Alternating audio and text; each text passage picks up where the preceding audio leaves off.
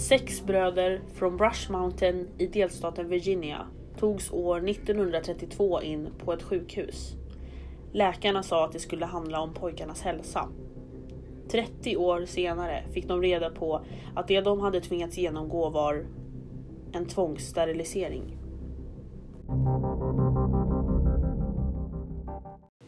Hej och välkomna till podden Maxat. Jag heter Anna Hagström och i det här avsnittet ska vi prata om tvångssterilisering. Och min gäst idag är... Alexandra Arnheim. Vi går tillbaks till år 1932. En sheriff i Montgomery County kom oväntat till Brush Mountain, en liten by som ligger i delstaten Virginia. Invånarna i Brush Mountain var stolta bergsmän, men materiellt sett var de mycket fattiga. Bostäderna var usla och personerna var undernärda. Befolkningen i den lilla byn kallades för slödder eller lantisar på grund av hur de bodde och hur de levde. Sheriffen tog med sig sex av bröderna från byn och förde dem till sjukhus i staden. Troligen till de sjukhus som förut varit anstalter för sinnessjuka. Han utsatte dem för något som kallades för moralterapi. Men med andra ord var det tvångssterilisering. De här sex bröderna var bara några av de många barn som blev tvångssteriliserade under de här åren. En av dem är Buck Smith. Han var 15 år och även han utsattes för detta. Och han sa, det var lönlöst att streta emot. De gav mig några piller så att jag blev dåsig och sen rullade de in mig i operationssalen. Läkarna sa att det var för att pojkens bästa och för att hans hälsa skulle bli bättre. Omtöcknad men vaken var han när läkarna la ett snitt i hans pung och skar av sädesledarna och sydde ihop. Jag såg allting, berättar han. Jag var vaken hela tiden. Det var inget fel på mig, förutom att jag saknade utbildning. Läkarna sa aldrig vad ingreppet innebar. Till vissa sa de bara att de tog några vävnadsprover. Eller att patienten hade problem med blindtarmen. Det var inte förrän 30 år senare som de som tvingades genomgå tvångssteriliseringarna fick reda på att det var det de hade blivit, fått genomgå. Och det var därför de inte hade kunnat få barn. Det var även många unga kvinnor under denna tiden som fick genomgå detta.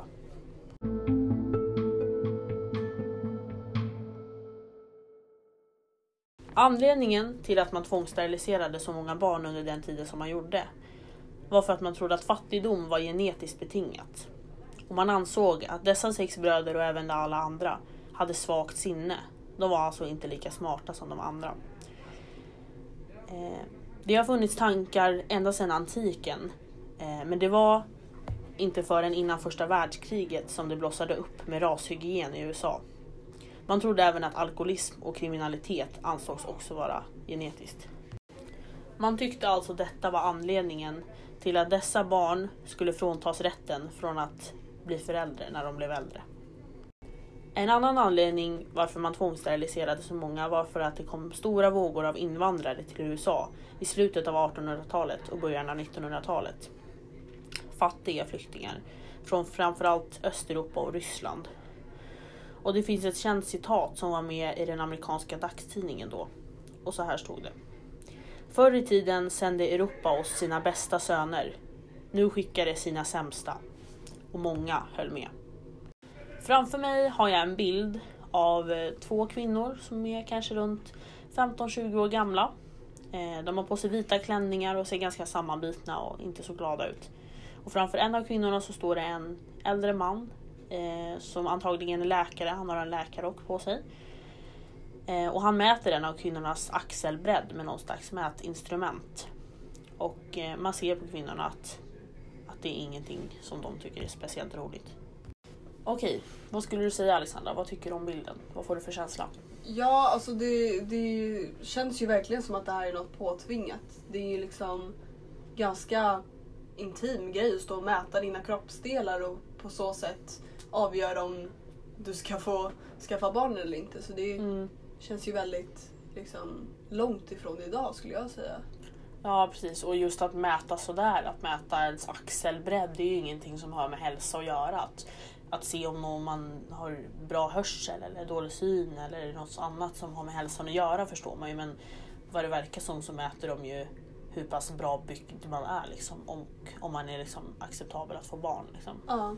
Och jag tänker också på eh, den rasforskning vi hade i Sverige med samerna. Att man mätte skallar och sånt. Och det, det har ju varit liksom en stor del i våran historia också. Okej, så Alexandra vad tycker du då om det som hände 1932 med de här bröderna och, och massvis av andra barn? Ja, alltså jag skulle ju känna mig väldigt berövad liksom, om det hade hänt för mig bara för att jag inte har eh, liksom, eh, att jag inte har tillgång till utbildning så behöver inte det betyda att jag är mindre smart egentligen. Eh, så det är ju egentligen pengarna som då avgör om man är smart eller alltså om man ska få barn eller inte. För att utbildningen, alltså det är ju vad man gör den till.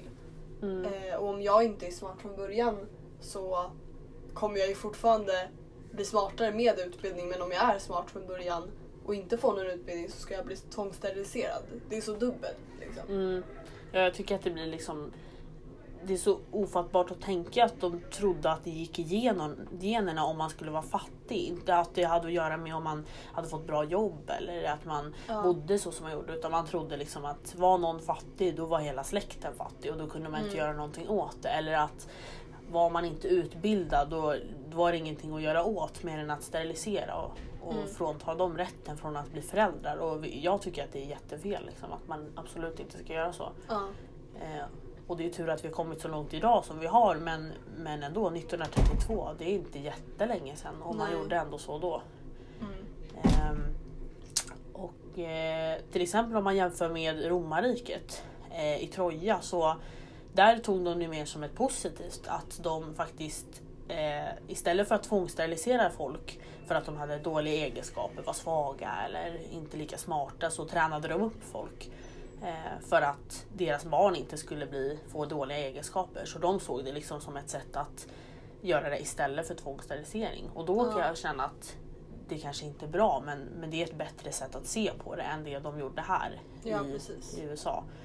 Eh, och som sagt det här var ju om sex bröder då, men det var, finns ju många, många fler. Mm. Och att de inte ens fick reda på att de blev tvångssteriliserade utan de fick reda på sen att, att det var därför de inte kunde få barn. Mm. Ja och dessutom, liksom, man, man kan ju förstå att de inte visste bättre än att, ja men de trodde ju på riktigt att eh, liksom, kunskaper man har samlat på sig under sitt liv, att de går i arv. Men man behöver ju inte göra det på ett sånt sätt som det var på 1900-talet utan de i Troja löste det ju på ett mycket bättre sätt. Att de Ja, liksom precis. tränade kvinnorna även fast de inte skulle liksom ut i strid för att de ska ändå bära vidare de generna Mm. tänkte ju de. Men eh, ja, det är liksom, för man kan ju förstå att ja, men de visste inte bättre så då kan man förstå att de tvångssteriliserade. Men å andra sidan så kunde ju de redan på antiken sköta det på ett bättre sätt. Ja, och det var ju långt innan så att det känns som att det gick liksom bakåt Ja, eh, med hur man tänkte. Och, och det leder ju till liksom att, att de här personerna som inte fick få barn, de kan ju inte göra någonting åt det. De blir som sagt tvingade och jag tycker inte i något fall att det är okej att tvångssterilisera någon utan mm. väljer man att gå en, genomgå en sterilisering då gör man det av fri vilja av olika skäl. Att man kanske bär på någon jättegenetisk sjukdom som man inte vill ska föras över till sina Ja. barn. Och då tycker jag att det är okej men inte att, att säga till någon annan att du får inte få barn utan Mm. vi kommer frånta dig rätten att få barn. Mm. Ja, jag tycker att det ska vara ett eget val. Precis Ja, som precis. du säger. Att om jag vet med mig att ja, men jag har den här sjukdomen och jag vill inte ehm, liksom föra vidare den. Då, liksom, ja, men då får du ju sterilisera om du vill. Så jag tycker att det ska finnas liksom, som alternativ. Eller om det är så ja, men jag har redan två barn och jag vill inte ha några fler. Mm. Att man kan liksom ta det beslutet själv men att någon annan ska ta det beslutet över din egen kropp Mm. tycker jag är extremt fel. Liksom. Mm. Och sen också att de här barnen var så unga. Ja. att de var 15 år, de här bröderna. Liksom. Eh, och att då ska de liksom redan vid så ung ålder inte, inte kunna få barn för all framtid. Liksom. Ja. Eh, även om de kanske hade, om de hade sagt det till dem, hade kunnat sagt att ja, men, men gör så då. För de Mm. vet inte mer än så. De kan inte lika mycket om det. De kanske inte har, har tänkt på att få barn i framtiden. Men Ja. sen när de är 25 då kanske de vill ha barn men då har de ingen rätt att få det längre. Ja. Ehm, Men å andra sidan så jag förstår ändå liksom som du sa att det var så man tänkte. Mm. Läkarna gjorde inte det för att vara elaka mot barnen. Det var ju inte så att de ville plåga barnen genom att sterilisera dem. Utan i deras huvud så ville de ha kvar de starkaste och det var de som hade högst utbildning och de som hade det rikt. Mm. Och att då få fler barn från de byarna som var fattiga, det hjälpte ju inte landet. Så jag förstår ändå deras tankesätt trots att jag inte tycker det är rätt. Liksom. Mm. Jo men för att alltså jag tycker det är synd eftersom eh, de, de här barnen som de liksom kunde ha fått men inte kunde få längre. Eh, de hade kanske kunnat göra liksom jättebra saker för samhället även om det var svårt för dem att se det i det läget de hade där. För att det finns ju så många, alltså otroligt många exempel på eh, folk som har kommit från en fattig bakgrund men liksom ehm, ja, men har jobbat upp sig i samhället. Ehm, så att de liksom, ja men de kommer och gör liksom jättebra saker. Mm, precis. Så att vi båda håller väl med om att det var inte rätt det de gjorde. Trots Ja. att vi ändå kan förstå dem på något sätt.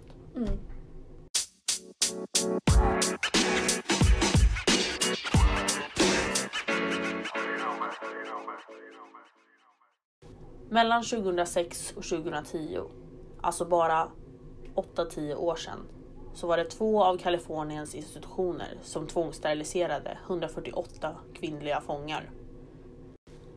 Det skedde i strid mot de statliga och federala lagarna. Man ansåg att vissa av dessa kvinnor på anstalterna hade en dålig klassposition, dåligt sexuellt beteende eller någon etnisk identitet som inte ansågs vara något bra. Och man fråntog då rätten för dem att bli förälder. Detta gjorde som sagt mot lagen. Och eftersom att man inte hade prövats det av en oberoende kommitté så genomförde man det trots förbudet som fanns sedan 1979.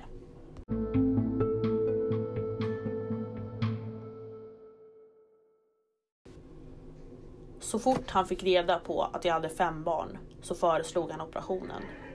Ju närmare födseln jag kom, desto mer pratade han om det.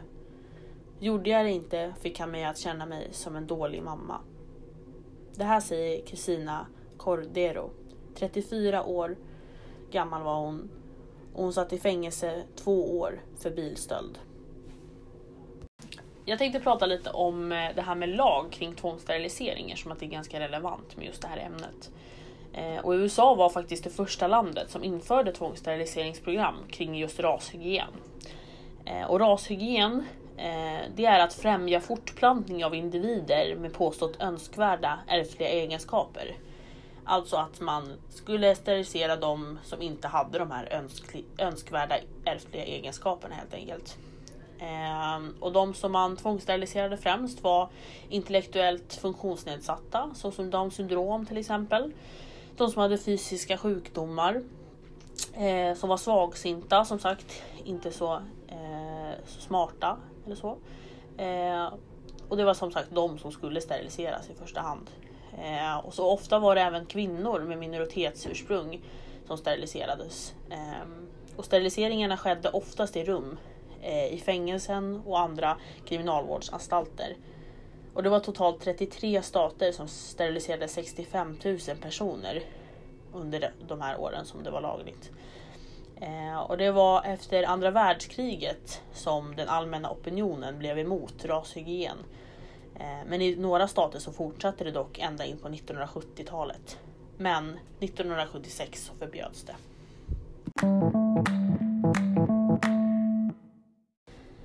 Nu har vi den andra bilden här då, om det eh, lite nutida exemplet kring tvångssterilisering. Eh, och det vi ser på bilden är en eh, korridor eh, med lite skåp och sånt på sidorna och en kvinna som sitter i en, eh, en stol. Eh, det ser ut som att det är någon slags sjukhusstol av liknande. Hon har en väska hängande på ena sidan av stolen och ja, hon ser inte så jätteglad ut. Man ser inte hennes ansikte, hon sitter med ryggen till men hon tittar rakt in i skåpen. Och antagligen kanske hon är en av de kvinnorna på det här fängelset som nyligen har gått, genomgått en tvångssterilisering. Ja, Vad tycker du om den här bilden? Vad tänker du när du ser den? Ja, alltså det, är- det är en väldigt liksom talande bild. Man Mm. får verkligen känslan av att hon, hon inser ju vad de har gjort. Mm. Att liksom, nu kommer jag aldrig kunna få barn. Mm. Ehm, så det är, alltså det är en väldigt sorglig eh, komposition och hela grejen. Ja precis. För att i den här eh, på de här anstalterna i Kalifornien så visste ju kvinnorna om att de blev tvångssteriliserade. Men Ja, som precis. den här Kristina sa då var ju det att, att läkarna övertalade dem. De sa ju liksom att du är, en, du är ingen bra mamma om inte du genomgår det här. Dina barn kommer lida om du får fler barn. Du Mm. kommer inte kunna ta hand om dem. Du är ingen bra mamma. De övertalade dem liksom så att de liksom trodde att ja, men jag borde inte få fler barn för de har det inte bra här. Ja. Och det är ju liksom, det är ett form av tvång liksom. Ja men precis. De vill ju inte det här egentligen. Nej. Ehm, utan det är liksom trycket av högre makter om man ska säga som Mm. tvingar dem.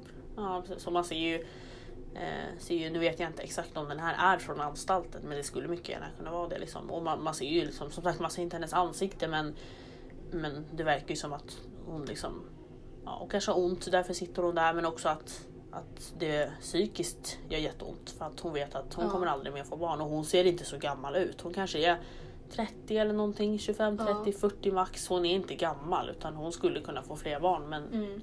men efter det här så, så går tyvärr inte det. Okej, vad har du för tankar kring det som hände här då? Alltså jag blir helt chockad för Mm. att jag sa ju det förut eh, att eh, det här känns ju som någonting som är väldigt förlegat. Mm, Att ja, men man visste inte bättre förr men nu vet man ju liksom det och det här är inte ens länge sedan. Vi levde ju mm, under den här tiden och nej men det, det, känns, det känns så hemskt att fortfarande är det folk som har varit tvungna att gå igenom det här och de här människorna lever ju fortfarande Ja, idag och får leva med det varje dag att de har blivit tvångssteriliserade mm. och så. Och sen också att man faktiskt hade, trots att det är sent, men 1976 eller 79 kanske var, så, så blev det faktiskt olagligt. Men trots det så gjorde man det här och jag vet att det var lite olika i vissa delstater. Vissa delstater tyckte fortfarande att det var okej längre fram också men, men ändå att man trots det 2006 till 2010, det är liksom inte länge sedan, att man fortfarande ty- tyckte att det var rätt att de här kvinnorna, bara för att de hamnade i fängelse så skulle de bli tvångssteriliserade på det också. Jag menar de har redan fått ett straff för det de har gjort. Hon Ja. satt två år den här Kristina för att hon hade stulit liksom en bilstöld. Mm. Och det är lång tid. Två år, hon hade fem barn. Hon fick alltså två år mindre med sina barn. Mm. Och på det så fick hon heller inte fler barn. Ja. Och det är liksom, alltså jag förstår verkligen inte. Hade jag varit en av de kvinnorna, alltså jag vet inte om jag hade haft någon livslust efter det. Nej. Och veta om att man aldrig mer kan få barn igen. Liksom. Ja, och även om, om jag liksom kanske inte hade velat ha fler barn Mm. så är ju fortfarande det ett så sjukt stort övertramp in på ens Mm. privata. Liksom, att de ska hålla på och mixtra med min kropp utan Ja, min, precis. alltså mot min vilja. Ehm, så det är liksom det är fortfarande en stor psykisk press även om man inte hade planerat på att skaffa fler barn. Ja precis. Jo men hela grejen att, att man blir tvingad till något, att man inte får välja det själv liksom utan att nu har de tvingat henne att göra det och hon har ingen rätt att ta tillbaks det. Hon har ingen Mm. rätt att säga att nej nu vill inte jag längre utan de har gjort det och det finns ingenting att göra åt det liksom. Mm. Ehm, och som sagt att man det första exemplet är från 1932, det var länge sedan. Visst, jag tycker fortfarande att det är fel, men ja, man kanske tänkte så då. Men det är 2006 till 2010, alltså att man inte har kommit längre och förstått bättre. Och nästan alla länder har, har liksom gjort det här olagligt och Mm. även USA. Och ändå är det flera personer, antagligen på det här fängelset, som har tyckt att det är okej. Eftersom Ja. att man har genomfört det här. Ja, och det är, jag tycker att det är alltså, skandal att det inte finns liksom bättre regulationer. Alltså, det här var Mm. ändå fyr, under fyra år som det här pågick. Mm. Att det är ingen som har fångat upp det och insett att ja men vänta lite, det här står inte riktigt rätt till. Nej precis. Och att de här kvinnorna inte har fått chansen att prata om det liksom. Mm. Och jag tror att i vissa fall så, så både från fall som har hänt förut men även nu, nutida fall så har man gett pengar tillbaks. Men jag känner samtidigt att vad gör pengar? Om du Ja. inte kan få barn så spelar det ingen roll att du sitter med 20 000 i din hand. Det Mm. kanske inte ens är så mycket, det kanske handlar om 5 000. Men vad ska du göra med dem? Du kan inte köpa ett barn. Nej. Visst, du kan adoptera men det är en lång, lång process. Och om du har haft möjligheten att kunna få barn själv och du fråntas den rätten för att någon läkare har tvingat i dig det. Mm. Och sen också att något som jag tänker på när jag hör det här när den här kvinnan då blev övertalad av en läkare är att det var säkert så att många sa att när du kommer ut i verkligheten så kommer dina framtida barn att skämmas över dig. Mm. Så att du ska få barn, det kommer inte gynna dem överhuvudtaget. Ja. Och de kanske sa okej jag vill göra det här till slut. Mm. Det var kanske inte läkarna som sa kom in här nu ska vi tvångssterilisera dig och de skrek. Det var kanske inte alls så men att kunna påverka en människa så mycket psykiskt att, att man känner sig så dålig och att man känner att ja men han har rätt. Jag är faktiskt en, jag är dum i huvudet. Jag kommer aldrig kunna få barn. Alltså jag kommer aldrig kunna ge det här barnet en framtid och att de då överväger att jo jag ska faktiskt göra det här Mm. och sen inse att det var bara de som tvingade i mig det här. Ja. Jo men det är, det är ju liksom en form av mobbning. Mm. Det är ju så att om, ett, om någon blir tillsagd tillräckligt många gånger att de är ful, ja det är klart att Mm. de bör, börjar tro på det. Och om de här kvinnorna har blivit tillsagda hela tiden att ja, men om dina barn, om du skaffar barn så kommer de att eh, skämmas över dig och de kommer Mm. liksom skylla på dig för att de lever och så. Då hade ju, alltså det är klart att ja, men man blir tvingad till att vilja det. Helt Ja, enkelt. precis. Ehm, så det är liksom ja, men en form av hjärntvättning skulle jag säga. Ja, precis.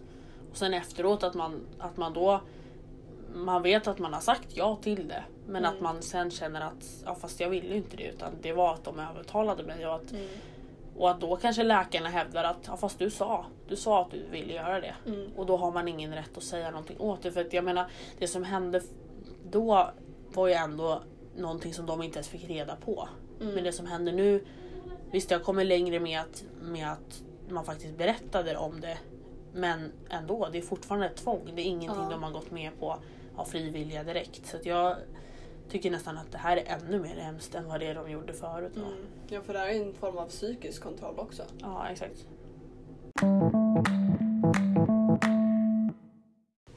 Nu tänkte vi kolla lite skillnader och likheter mellan de här två fallen då. Och eh, vad är det du tänker på först då? Vad som skulle kunna vara skillnad och likhet? Ja, alltså jag tänker mycket på det här med lagen. Att det var ju faktiskt olagligt ehm, de här, det här senare fallet, eh, 2006 till 2010.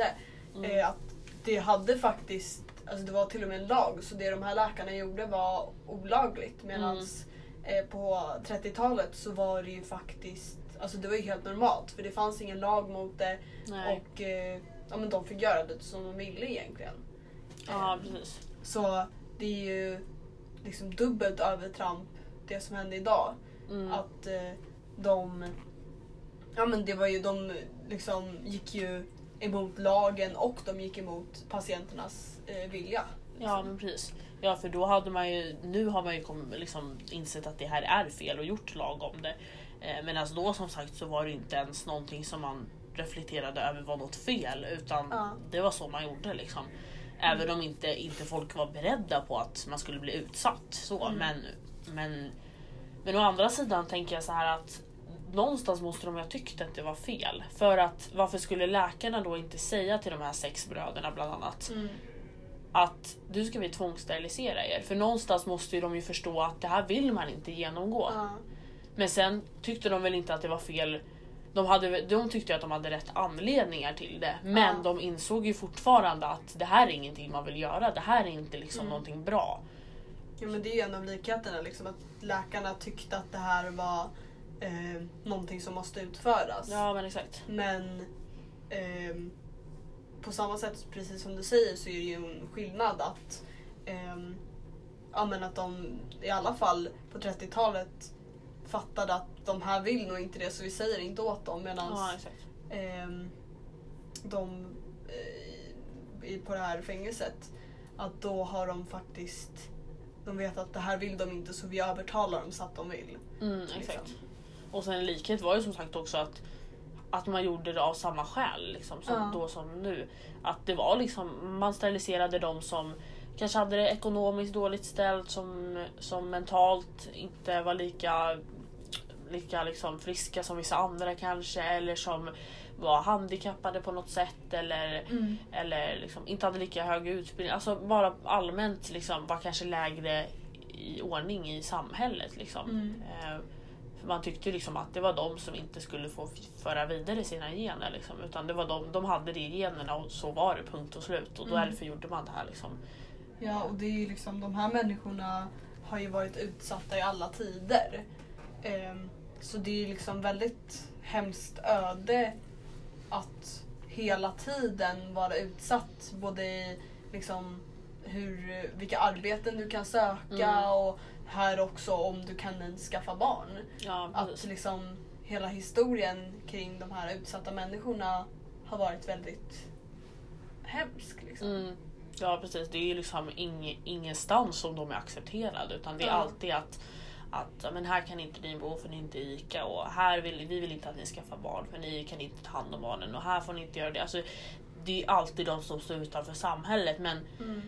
men sen å andra sidan var ju en skillnad då kanske mer att, att man såg det som att, att ehm, personer som var fattiga eh, inte kunde få det bättre ställt. Medan Mm. man nu kanske har kommit mer till insikt. Men å andra sidan så, så tvångssteriliserade man kvinnor som, som eh, hade gjort ett brott. Och Mm. därför i sådana fall trodde man väl kanske inte att de kunde förbättra sig. Och Ja. inte att heller att deras barn kunde bli annorlunda. För Mm. vad man ser mycket idag skulle jag säga är ju att det kanske är helt tvärtom. Har man en förälder som är alkoholist då Mm. kanske man själv inte alls hamnar där. Mm. Eller om man en, en pappa som vi säger har mördat någon då kanske man blir jätte liksom vill hjälpa folk och är helt emot. Förstår du? Man, Mm. man behöver inte hamna på samma spår överhuvudtaget för det är ju, Ja. inte, det är ju bevisat, det är inte genetiskt. Ja, till exempel min morfar. Hans pappa slog honom väldigt mycket Mm. eh, när han var liten. För det var ju lagligt då.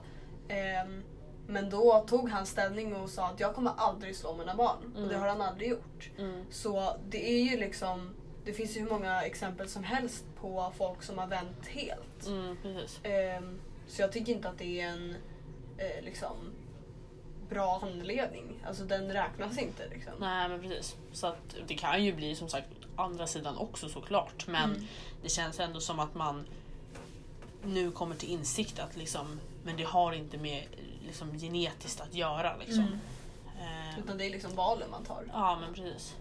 Eh, och en annan skillnad är ju också att de berättade eh, inte då vad ingreppen var. Och det var ju kanske som vi sa Mm. förut att, att man tyckte fortfarande att det var fel men, men nu det här nutida exemplet så sa man ju att det här är det som kommer hända men man hjärntvättade dem. Man sa Mm. liksom att du ska göra det för det är bäst för dina barn. Och, och som du sa, att till slut på när man tror på det. Säger någon till dig varje dag att du är jätteful, du är jätteful, du är jätteful. Till slut, ja, men varför skulle jag tycka att jag är fin då? Om Mm. någon alltid säger det till mig. Eller som de sa att du kommer bara förstöra för dina barn. Du, det är bättre om du bara steriliserar dig. Ja. Till slut så trodde de att det var det bästa. Liksom. Mm.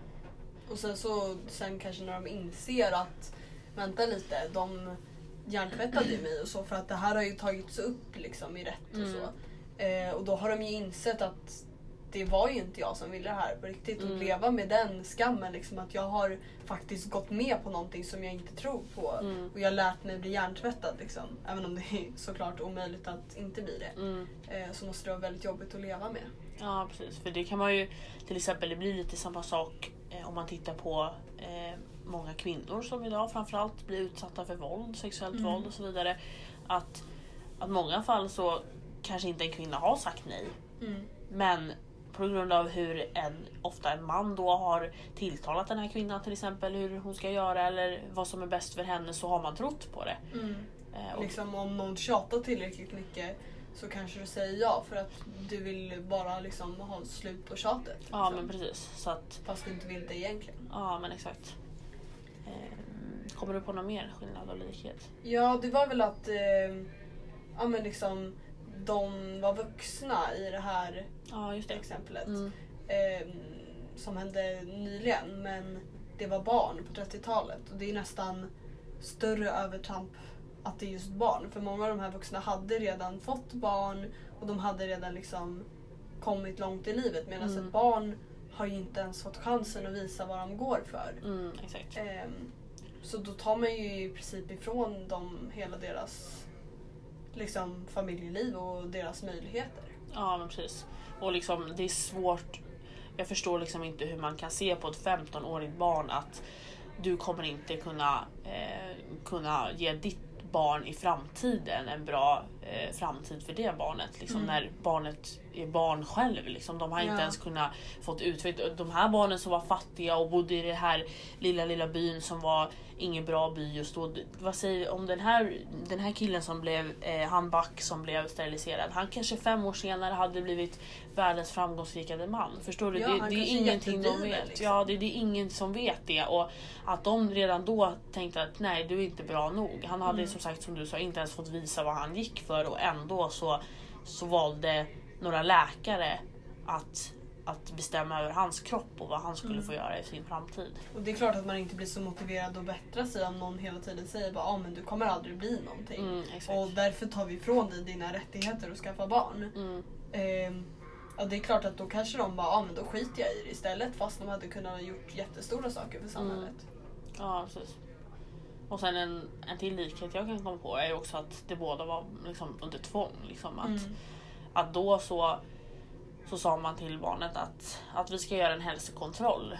Mm. Eh, och de kanske inte sa emot utan de kanske sa att ja, men, men vi gör så. Men, men å andra sidan, när, om de hade fått veta då så tror jag inget barn hade gått med på det. Nej. Och, och det är ju något slags tvång om man inte säger hela sanningen. Om man inte Mm. berättar vad man faktiskt gör, om man ljuger för dem och säger någonting annat och sen kommer sanningen fram och då går det inte att göra någonting åt det. Då är det ju något slags tvång. Liksom. Ja. Även om man inte trycker ner någon i en stol och säger att nu måste vi sterilisera dig så är det ju Ja. ändå ett tvång. Liksom. Och även de här kvinnorna då blev det ju ett tvång trots att de till slut kanske sa ja så var det ett tvång att läkarna övertalade dem liksom, Ja. att, att så här ska du göra. Ja, de tvingade dem ju att säga ja liksom. Ja men precis, så båda var ju liksom lika hemskt på det sättet. Så, liksom. Mm. Att det är Eh. fortfarande liksom inte deras fria vilja. Mm, precis.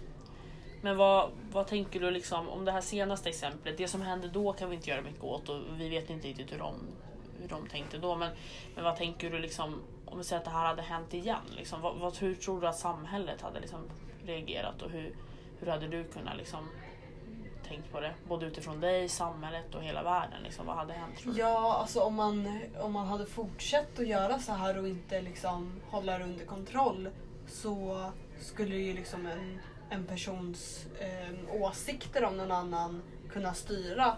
Liksom. Och då hade vi kanske eh, slutat få sån mångfald av kulturer och sånt som vi har Mm. idag. Det tycker jag är väldigt tråkigt för att jag tror att det är någonting som eh, gynnar oss i det stora hela. Liksom, Mm. Att vi har olika matkulturer, olika traditioner och sånt. Mm, Eh, och till exempel Donald Trump som har problem med ehm, eh, färgade personers invandring. Mm. Liksom, för han har inget emot vita invandrare, hans fru är invandrare. Liksom. ja, exakt. Ehm, och om han skulle ha tillgång till att tvångssterilisera så kanske han hade gjort det med Mm. alla liksom, flyktingar och mexikaner och alla han hatar. Mm, Ehm, och då hade ju världen blivit ett mycket liksom, mer instängt liksom, ställe att leva Ja, på tror jag. precis. Ja, för att hade det varit så som det var då, att det var liksom normalt, så hade man nog personligt liksom gått runt och varit rädd. Liksom. Att Ja. de kanske ändå säger till mig att vi tycker inte att du är duglig nog liksom, Mm. och nu ska vi sterilisera dig. Eller, eller inte ens säga det utan att jag sen får reda på det som de här barnen faktiskt blev. Men, Mm. men sen också som du sa samhällsmässigt att, att man liksom hade kunnat, att man utesluter så många människor. För även om fattigdom inte är någonting bra Mm. men man, det finns så många andra sätt att lösa det på än så här. Ja. Och bara man hör på det att man ska tvångssterilisera någon Mm. på grund av att de är fattiga. Att man inte då kan sätta in bidrag till dem. Att man inte då Mm. kan hjälpa dem på andra sätt. Att man kan eh, kanske lämna ut sin friggebo för att de ska kunna bo där. Man kan erbjuda Mm. dem ett jobb, vad som helst. Att man inte kan göra det istället för att tvångssterilisera. Som att det ska lösa problem. Ja, man Den- lägger ju resurserna på liksom, någonting annat. Ja, då. man skulle kunna ta saker. de pengarna som man lägger på alltså, Mm. tvångssterilisering för en operation är inte billig. Liksom. Nej. Om man lägger de pengarna på att försöka hjälpa de här personerna att jobba sig upp i samhället och bli bättre människor så Mm. tror jag att eh, det skulle bli mycket bättre. Ja precis. Och sen som du sa, hela världen, då hade ju många fått utesluta för att typ Donald Trump och många andra är just mot invandrare och tvångssteriliserar vi dem, vilket betyder att de inte kan få barn. Och då kommer det vara kanske, vi säger att det blir mycket, mycket färre personer som kommer från, från olika länder i Afrika, eftersom att de är en utsatt grupp till exempel. Mm. Och så hade det funnits överbefolkning av folk från kanske USA eller från Nordeuropa och Ja. det blir liksom ingen mångkultur. Man lär sig inte av andra och liksom det blir liksom bara ensidigt och det är väl ingen som vill ha heller. Liksom. Mm. Eh, så att eh, jag tror att det hade bara blivit negativt Mm. över överallt. Liksom. Det hade inte lett till någonting positivt alls. Mm, och jag tycker det är så sjukt att de inte har lärt sig av det som hände på 30-talet. Att vänta det här kanske inte är en så bra idé. Nej, Liksom. precis. Så de fortsätter göra det i dagens samhälle. Liksom. Mm. Ja, så det vi kan säga är att det finns likheter med de här båda fallen trots att det är liksom nästan hundra år emellan. Liksom. Ehm, men också att det finns vissa skillnader. Att det kanske har utvecklats på något sätt, att man kanske har kommit till vissa insikter men å andra sidan så har kanske vissa saker till och med blivit värre. Liksom. Mm. Ehm, Men nu har det i alla fall blivit mycket, mycket mindre. Det här var liksom ett, ett fall som uppmärksammades jättemycket i Kalifornien. Mm. Eh, och det här är inget man hör om varje dag så någonstans har vi kommit men man hoppas ju på att alla länder ska komma till insikt för det finns många länder även idag som steriliserar folk Ja. hejvilt för att de tycker att det är rätt. Mm. Ehm, Så vi borde lära oss av våra misstag istället Ja, för att upprepa dem. Liksom. så att ehm, ja, så vi båda håller väl med om att det är en extremt negativ sak och att vi hoppas att det absolut inte utvecklas utan att man kommer till insikt. Eh, Ja. Och att de här tvångssteriliseringarna som sagt det blev olagligt runt 70-talet men bara så sent som 2013 så Mm. tvångssteriliserade man inte transpersoner till exempel. Mm. Eh, för skulle man genomgå att man bytte kön så var man tvungen att tvångssteriliseras Mm. 2013 och det är inte länge sedan. Nej, liksom. det är liksom bara några få år sedan. ja, Och liksom, ja men det är som att säga att en transperson inte är ja, men tillräckligt bra som en annan människa. Att det Ja, det är precis. någonting sämre med dem, att de inte får föra sina gener vidare. mm, Ehm, så det tycker jag är väldigt hemskt. Eller att Ja. men på något sätt säga att ni kommer inte bli bra föräldrar för att ni är transsexuella. ja, exakt.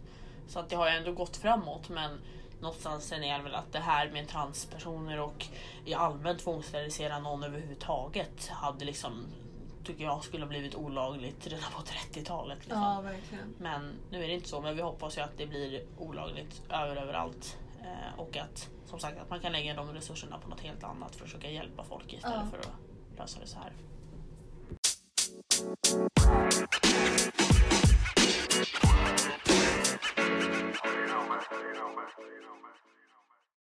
Tack så jättemycket för att ni lyssnade på detta avsnitt och hoppas att ni tyckte att det var intressant. Och tack så jättemycket Alexandra för att du var med och gästade idag. Tack för att jag fick vara med. Och de källorna jag har använt mig av är världshistoria.se, Wikipedia, SO-rummet, Huffington Post, eh, Nyheter 24 och mina bilder är tagna från Google.